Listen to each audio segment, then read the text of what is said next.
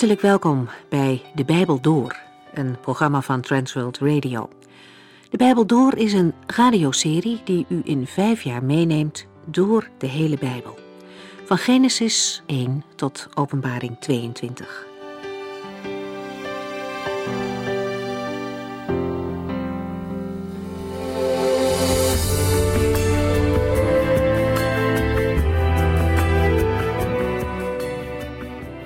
We lezen in deze serie al een paar dagen uit Filippenzen 2. Misschien heeft u gemerkt dat we wat langer bij de eerste elf versen hebben stilgestaan. In de gemeente was sprake van oneenigheid. De een voelde zich wat meer dan de ander. En Paulus zegt dat ze daarmee moeten stoppen. En gebruikt dit praktische voorbeeld om uit te leggen wat de Heer Jezus zelf heeft gedaan. Het zijn indringende versen waarin hij met een paar woorden hele diepe dingen zegt. Het gedeelte eindigt met een blik in de toekomst. Er komt een dag dat voor iedereen zichtbaar wordt dat Jezus Christus Heer is. Niemand zal daar dan nog omheen kunnen. Alle mensen zullen voor Hem buigen. Daarmee zegt de apostel niet dat alle mensen dan wel gered zullen worden, dat het met iedereen wel goed komt. Ook andere Bijbelgedeelten maken duidelijk dat het zo niet werkt. Er is voor iedereen verzoening met God mogelijk. Geen zonde is daarvoor te groot en geen mens is te slecht om bij God te mogen komen. Gods genade is altijd oneindig veel meer dan welke zonde dan ook. Maar God heeft wel een voorwaarde om daadwerkelijk gered te worden. En dat is het geloof in zijn zoon Jezus. Dat is het enige. Wie Gods zoon afwijst, wijst ook de verzoening en het eeuwige leven af. Maar iedereen die in Hem gelooft, zal in eeuwigheid niet verloren gaan. En daarvoor is echt niet een groot geloof of een hele bijzondere ervaring nodig. Het gaat niet om ons geloof of het groot of klein is, maar het gaat om ons geloof in een grote God. Hij ziet elke aarzelende hand die naar hem uitgestoken wordt en hij pakt die hand vast.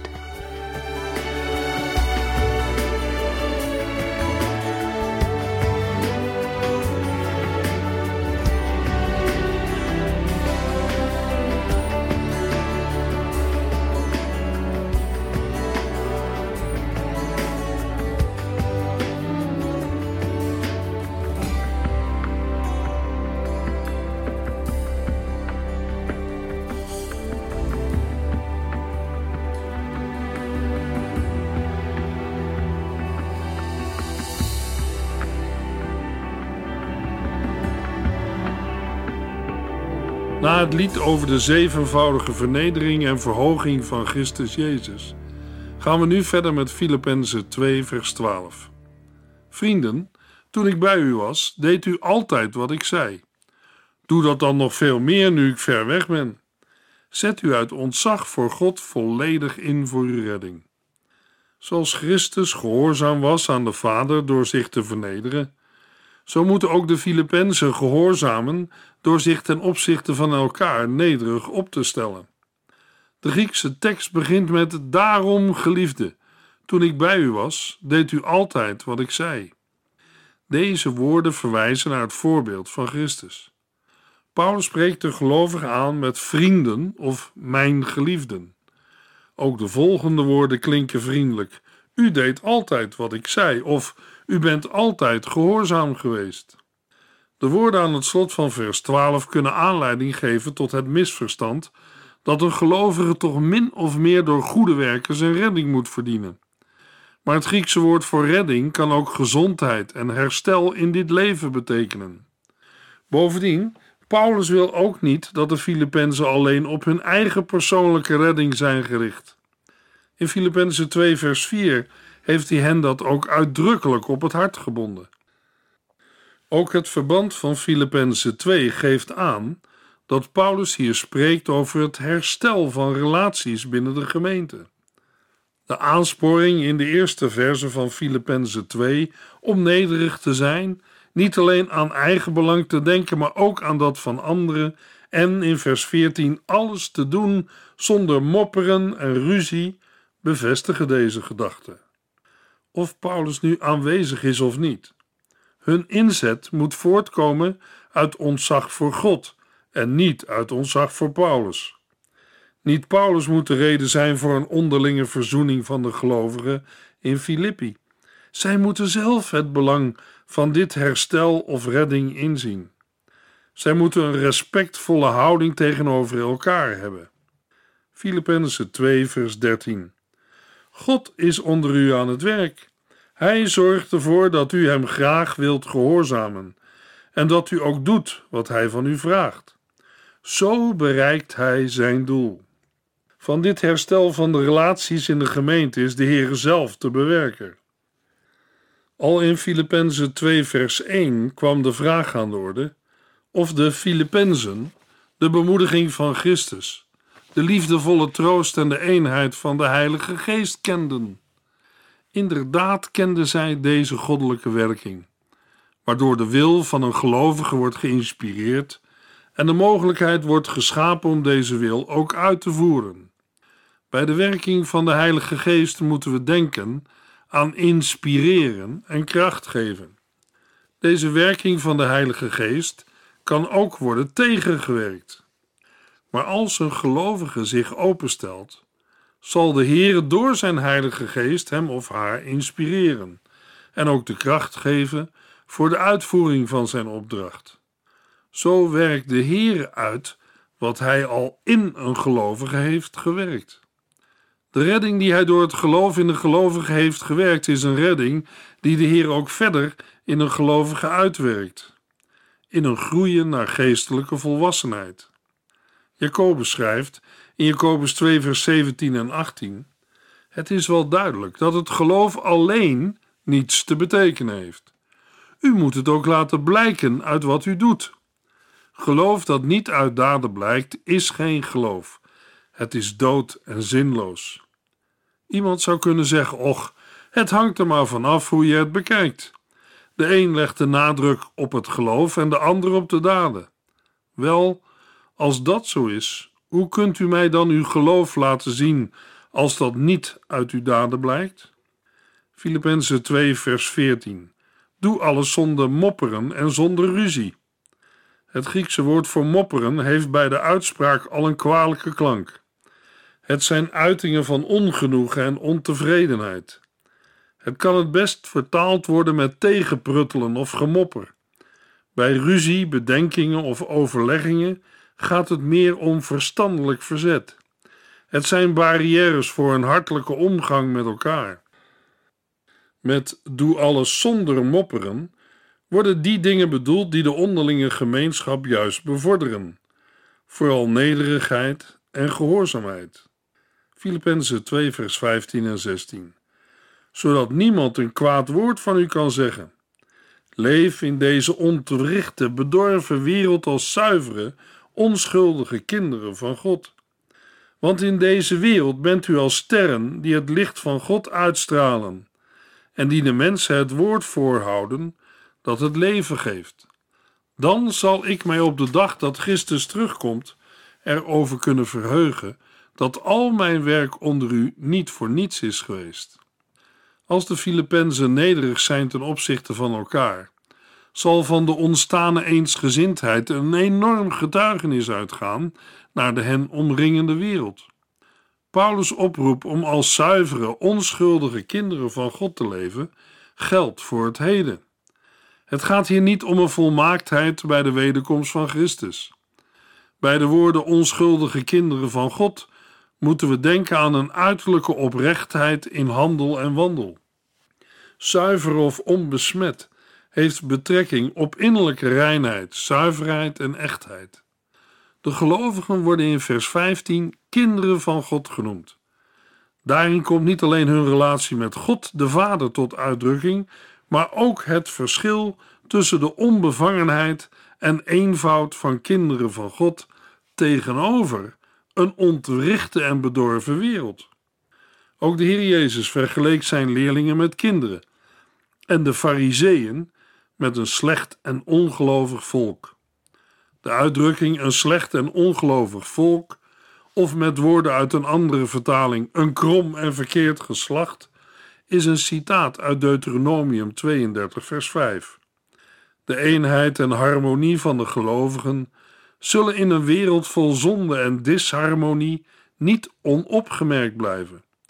Gelovigen horen het licht van God uit te stralen. Zij zijn lichtdragers in de wereld. Zij schitteren als sterren aan de hemel. Gelovigen zullen de mensen het woord voorhouden dat het leven geeft. Dat is het evangelie, waardoor mensen eeuwig leven ontvangen. Als de Filippenzen het evangelie dat Paulus hen verkondigd heeft vasthouden, zullen zij op de dag van Christus, dat wil zeggen bij zijn wederkomst, als het werk van Paulus wordt beoordeeld, hem tot vreugde zijn. En is al zijn werk onder hen niet voor niets geweest. Bij vreugde, roem of eer gaat het om de reden van de vreugde, datgene waarop iemand trots is. In Paulus' geval het geloof van de Filippenzen. Paulus weet dat hem rekenschap zal gevraagd worden van zijn prediking. Is er vrucht? De vrucht is het geloof en de goede levenswandel van de Filippenzen. In de Griekse tekst gebruikt de apostel voor de woorden dat al mijn werk onder u niet voor niets is geweest, het beeld van een hardloper en een arbeider. Hij zegt dat ik niet te vergeefs heb gelopen of te vergeefs heb gewerkt. Daarmee geeft de apostel aan dat de reactie op de prediking van het evangelie ook anders kan uitpakken. Het is niet vanzelfsprekend dat er vrucht is van geloof en een goede levenswandel. Een hardloper is teleurgesteld als hij aan het eind van de wedstrijd niets heeft gewonnen. Dan heeft hij voor niets gerend. Zo zal ook een arbeider zich voelen als hij aan het eind van een zware werkdag geen loon ontvangt. Het werkwoord werken betekent ook zich aftobben en zich inspannen. Het wordt gebruikt voor zware lichamelijke inspanning, maar ook voor het werk van de predikers van het evangelie. Filippenzen 2, vers 17. Ook al zal bij wijze van spreken mijn bloed als een offer worden uitgegoten, over uw geloof dat u God als een offer aanbiedt, toch zal ik blij zijn en die blijdschap met u allen delen. Of Paulus in vers 17 toch nog ingaat op de mogelijkheid dat het proces voor hem zal uitlopen op het martelaarschap, is niet zeker. Sommige uitleggers zijn van mening dat deze woorden het lijden van Paulus in de gevangenis verwoord. Aan de andere kant lijken de woorden ook al zal mijn bloed als een offer worden uitgegoten, te wijzen op een bloedige en gewelddadige dood. Een offer dat op de grond werd uitgegoten is een pleng- of drankoffer. Het werd altijd gebracht als aanvulling op een gewoon offer. Paulus' plengoffer is dan een aanvulling op het offer van het geloof van de Filippenzen. Met dit offer wordt de volkomen overgave van de gelovigen aan de Here bedoeld. Waarschijnlijk doelt Paulus ook op het financiële offer dat de Filippenzen aan de Here brachten door hem te ondersteunen. Voor Paulus is het vooruitzicht om te moeten sterven geen schrikbeeld. En ook zijn huidige lijden draagt hij met vreugde. Want door beide wordt Christus verheerlijkt. Tegelijkertijd verheugt Paulus zich met alle Filippenzen over hun bereidheid zichzelf helemaal aan de Here te geven. Filippenzen 2, vers 18. Wees dan ook blij samen met mij. Vers 18 zet de gedachte van vers 17 voort. Zoals Paulus zich verheugt om zijn eigen offer en dat van de Filippenzen, zo verwacht hij van de Filippenzen hetzelfde. Zij moeten zich verheugen, ook als ze zelf moeten lijden. Bovendien moeten zij zich niet uit het veld laten slaan als Paulus lijdt of moet sterven. De woorden blij zijn of zich verheugen is een van de kernwoorden van de brief aan de Filippenzen. Het gebruik van de gebiedende wijs geeft aan dat het om een blijvende opdracht gaat. Duidelijk mag zijn dat deze blijdschap voortkomt uit een gerichtheid op en een geloofsverbondenheid met de Heere. Filippenzen 2 vers 19 Als de Heere het wil, zal ik binnenkort Timotheus naar u toesturen, zodat hij mij, als hij daarna bij mij terugkomt, kan bemoedigen door te vertellen hoe het met u gaat.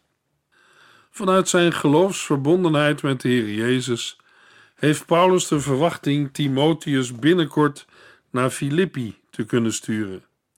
Timotheus, die volgens Filippenzen 1 vers 1 medeschrijver was van deze brief, werd door Paulus wel vaker uitgezonden als zijn persoonlijke afgevaardigde. Hoe snel Paulus Timotheus kan sturen, is volgens vers 24 afhankelijk van het verloop van het proces. Het is de bedoeling dat Timotheus weer naar Paulus teruggaat om hem te informeren hoe het met de Filippenzen gaat. Het doel van Timotheus' missie is zodat hij mij, als hij terugkomt, kan bemoedigen door te vertellen hoe het met u gaat. Eerst zullen de Filippenzen bemoedigd worden door de positieve berichten die Timotheus hun brengt over het proces van Paulus. En vervolgens zal Paulus bemoedigd worden als hij na terugkeer van Timotheus hoort hoe het met de Filippenzen gaat en hoe zij gehoor hebben gegeven aan zijn oproep om eensgezind te zijn. Filippenzen 2 vers 20 Er is niemand die zo met mij meevoelt als Timotheus. Niemand wie u wel en wee zo ter harte gaat. Timotheus blijkt de meest aangewezen persoon te zijn voor deze opdracht. Paulus bedoelt met de woorden: Er is niemand die zo met mij meevoelt, dat Timotheus hetzelfde voelt als hij, gelijkgezind is, zodat Timotheus namens Paulus in Filippi kan optreden. In het vervolg kenmerkt Paulus zijn medewerker Timotheus als iemand die u wel en wee zo ter harte gaat. Paulus noemt Timotheus in 1 Timotheus 1 vers 2 zijn geestelijke zoon omdat hij in Timotheus een betrouwbare jonge medewerker heeft. In het tweede gedeelte van vers 20 zal ook ter harte gaan inhouden dat Timotheus geheel in de lijn van Paulus voor de gemeente zorg zal dragen. De omstandigheden van de Filippenzen gaan Timotheus werkelijk ter harte. Filippenzen 2 vers 21 Alle anderen schijnen alleen maar aan hun eigen zaken te denken en niet aan Jezus Christus. Het is onduidelijk wie Paulus met alle anderen bedoelt. In 2 Timotheus 1, vers 15 schrijft de apostel aan Timotheus: Je weet dat alle christenen die vanuit Azië hier zijn gekomen, mij in de steek hebben gelaten. Zelfs Vigelus en Hermogenes. Het is mogelijk dat Paulus ook andere medewerkers naar Filippi heeft gezonden. Maar ze hebben, na aankomst, partij gekozen in het conflict. Daarmee konden zij, de ruziemakers, niet tot elkaar brengen. Met het niet denken aan de zaak van Christus bedoelt Paulus dan dat zij zich niet hebben ingezet voor verzoening tussen broeders en zusters. Ook is het mogelijk dat Paulus niet kon beschikken over medewerkers, omdat ze geen tijd of zin hadden om naar Filippi te gaan, of omdat ze hem hadden verlaten uit eigen belang. Ten slotte valt te denken aan de jaloerse predikers uit Filippenzen 1, die zich van Paulus hadden afgekeerd. Al predikten zij Christus, ze waren uit op eigen belang. Luisteraar, ook vandaag is er heel wat te doen over predikanten en voorgangers. Daarover wil ik in deze programma's geen duit in het zakje doen. Het is meer opbouwend om te vragen: Waardeert u hen die het woord van God in uw kerk of gemeente verkondigen? De schrijver van Hebreeën 13, vers 7 houdt de gelovigen voor. Vergeet de voorgangers niet die u het woord van God hebben doorgegeven. Kijk eens hoe zij geleefd hebben en gestorven zijn. Vertrouw net zo op God als zij deden. Filippenzen 2, vers 22. Maar u weet hoe waardevol Timotheus is. Hij heeft mij als een eigen zoon geholpen met het goede nieuws bekend te maken. Niet alleen Paulus wist dat hij Timotheus kon vertrouwen, ook de Filippenzen weten het. Paulus schrijft: U weet hoe waardevol Timotheus is. Voor het woord waardevol staat in het Grieks het woord beproefdheid. De Filippenzen weten hoe Timotheus beproeving heeft doorstaan en volharding werkt beproefdheid uit. Bij deze woorden kunnen we denken aan jarenlange trouwe dienst, maar ook aan vervolging. Toen Paulus de eerste keer in Filippi kwam, was Timotheus al bij hem. Na het vertrek van Paulus uit Macedonië bleven Silas en Timotheus er nog een tijdje achter om verder aan de opbouw mee te werken. Paulus zag zich als de geestelijke vader van Timotheus. Met de woorden: Hij heeft mij als een eigen zoon geholpen, wordt het dienen van de Here bedoeld. Het doel van dit dienen wordt aangegeven met de woorden: het bekendmaken van het goede nieuws, de verkondiging van het evangelie. Filippenzen 2 vers 23 en 24 Zodra ik, Paulus, weet wat mij hier te wachten staat, zal ik hem, Timotheus, naar u toesturen. Maar ik vertrouw erop dat de Heere mij binnenkort de kans zal geven zelf ook naar u toe te komen. In vers 19 schreef Paulus dat hij Timotheus binnenkort zou sturen. In vers 23 maakt hij duidelijk dat hij hem direct zal sturen na de uitslag van het proces, of nadat het proces een beslissende ommekeer heeft genomen. Tot die tijd wil Paulus zijn trouwste metgezel als steun bij zich houden. Zodra ik weet wat mij hier te wachten staat, verwijst naar de gevangenschap en het proces van Paulus. Hij wil eerst meer duidelijkheid over zijn situatie. Uit vers 23 krijgen we de indruk dat de apostel toch niet helemaal zeker is van een positieve uitslag van de rechtszaak. Maar toch, vanuit zijn geloofsverbondenheid met de Here, heeft Paulus het vertrouwen gekregen dat hij zal worden vrijgesproken en hoopt hij binnenkort de kans te krijgen de Filippenzen te bezoeken. De woorden, maar ik vertrouw erop dat de Heere mij binnenkort de kans zal geven zelf ook naar u toe te komen, laten de verbondenheid en eenheid van de apostel met de Heere zien, van waaruit Paulus hoop, zekerheid en leiding ontvangt. Filippenzen 2 vers 25 Al met al leek het mij het beste Epaphroditus naar u terug te sturen. Ik vond het heel fijn dat hij namens u bij mij kwam om mij in mijn nood bij te staan. Hij en ik zijn echte broeders geworden.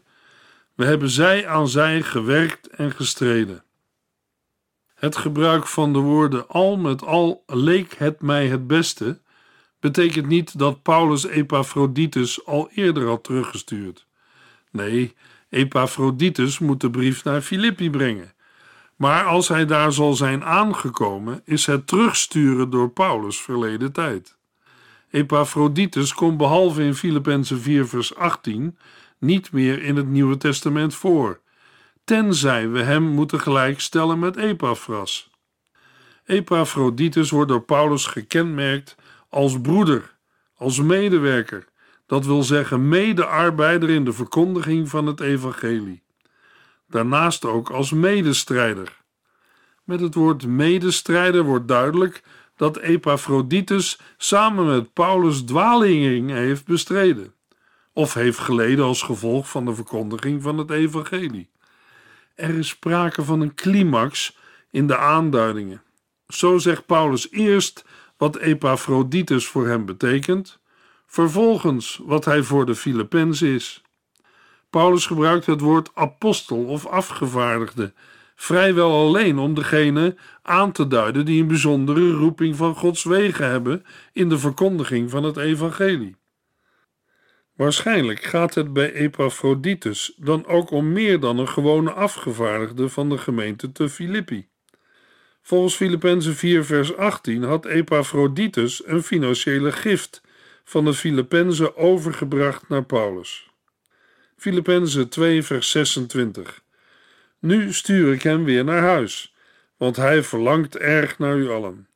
Hij maakt zich ongerust, omdat u hebt gehoord dat hij ziek was. In vers 26 blijkt dat er een vrij intensief contact is geweest tussen Paulus en de gemeente van Filippi. Ten eerste hebben de Filippenzen gehoord waar Paulus gevangen zat. Daarna hebben ze Epaphroditus met ondersteuning naar Paulus gestuurd. Toen deze ziek werd, is het nieuws daarvan naar Filippi overgebracht en tenslotte heeft Epaphroditus het bericht ontvangen dat de gelovigen in Filippi zich zorgen om hem maken. In het totaal moeten er dan ook vier reizen van Filippi naar Rome of andersom zijn gemaakt, voordat Paulus de brief aan de Filippenzen schreef. Vanwege deze grote afstand tussen Filippi en Rome is het niet ondenkbaar dat Paulus in Caesarea gevangen zat. Met hij verlangt erg naar u allen wordt een verlangen omschreven dat met emotie gepaard gaat. Hij maakt zich ongerust, wordt in de Griekse tekst krachtiger uitgedrukt dan in het Nederlands wordt weergegeven. De woorden in het Grieks zijn: Epaphroditus wordt door angst verscheurd. Het is een zeer krachtige uitdrukking en komt ook voor in Matthäus 26, vers 37. In Matthäus 26 gaat het over de Heer Jezus die lijdt in de hof van Gethsemane. Waarschijnlijk heeft Epaphroditus zich tijdens zijn ziekte zorgen gemaakt om de gemeente van Filippi, omdat hij zich voor de gelovigen verantwoordelijk voelde. In vers 26 heeft Paulus de reden gegeven waarom hij Epaphroditus naar Filippi heeft gestuurd. De gelovigen in Filippi zullen via een mondelinge mededeling of een brief hebben gehoord van de ziekte van Epaphroditus. Op zijn beurt had Epaphroditus weer gehoord dat de Filippenzen zich om hem zorgen maakten. Een intensieve uitwisseling van berichten. Het is opvallend dat de apostel in Filippenzen 2 vers 27 de ernstige ziekte van Epaphroditus bevestigt. Hij is inderdaad erg ziek geweest. Het scheelde niet veel of hij was gestorven, maar God heeft hem gespaard. Maar daarover meer in de volgende uitzending. Filippenzen 2 vers 25 tot en met 3 vers 1.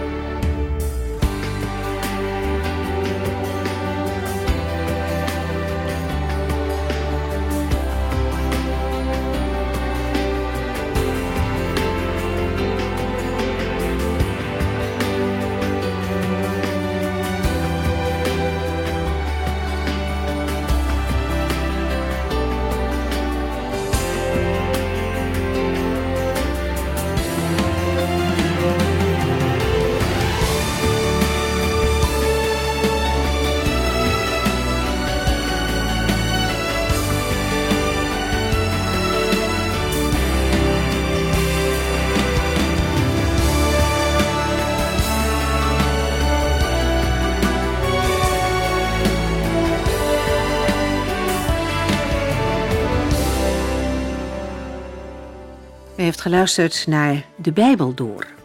In het Nederlands vertaald en bewerkt door Transworld Radio. Een programma waarin we in vijf jaar tijd de hele Bijbel doorgaan.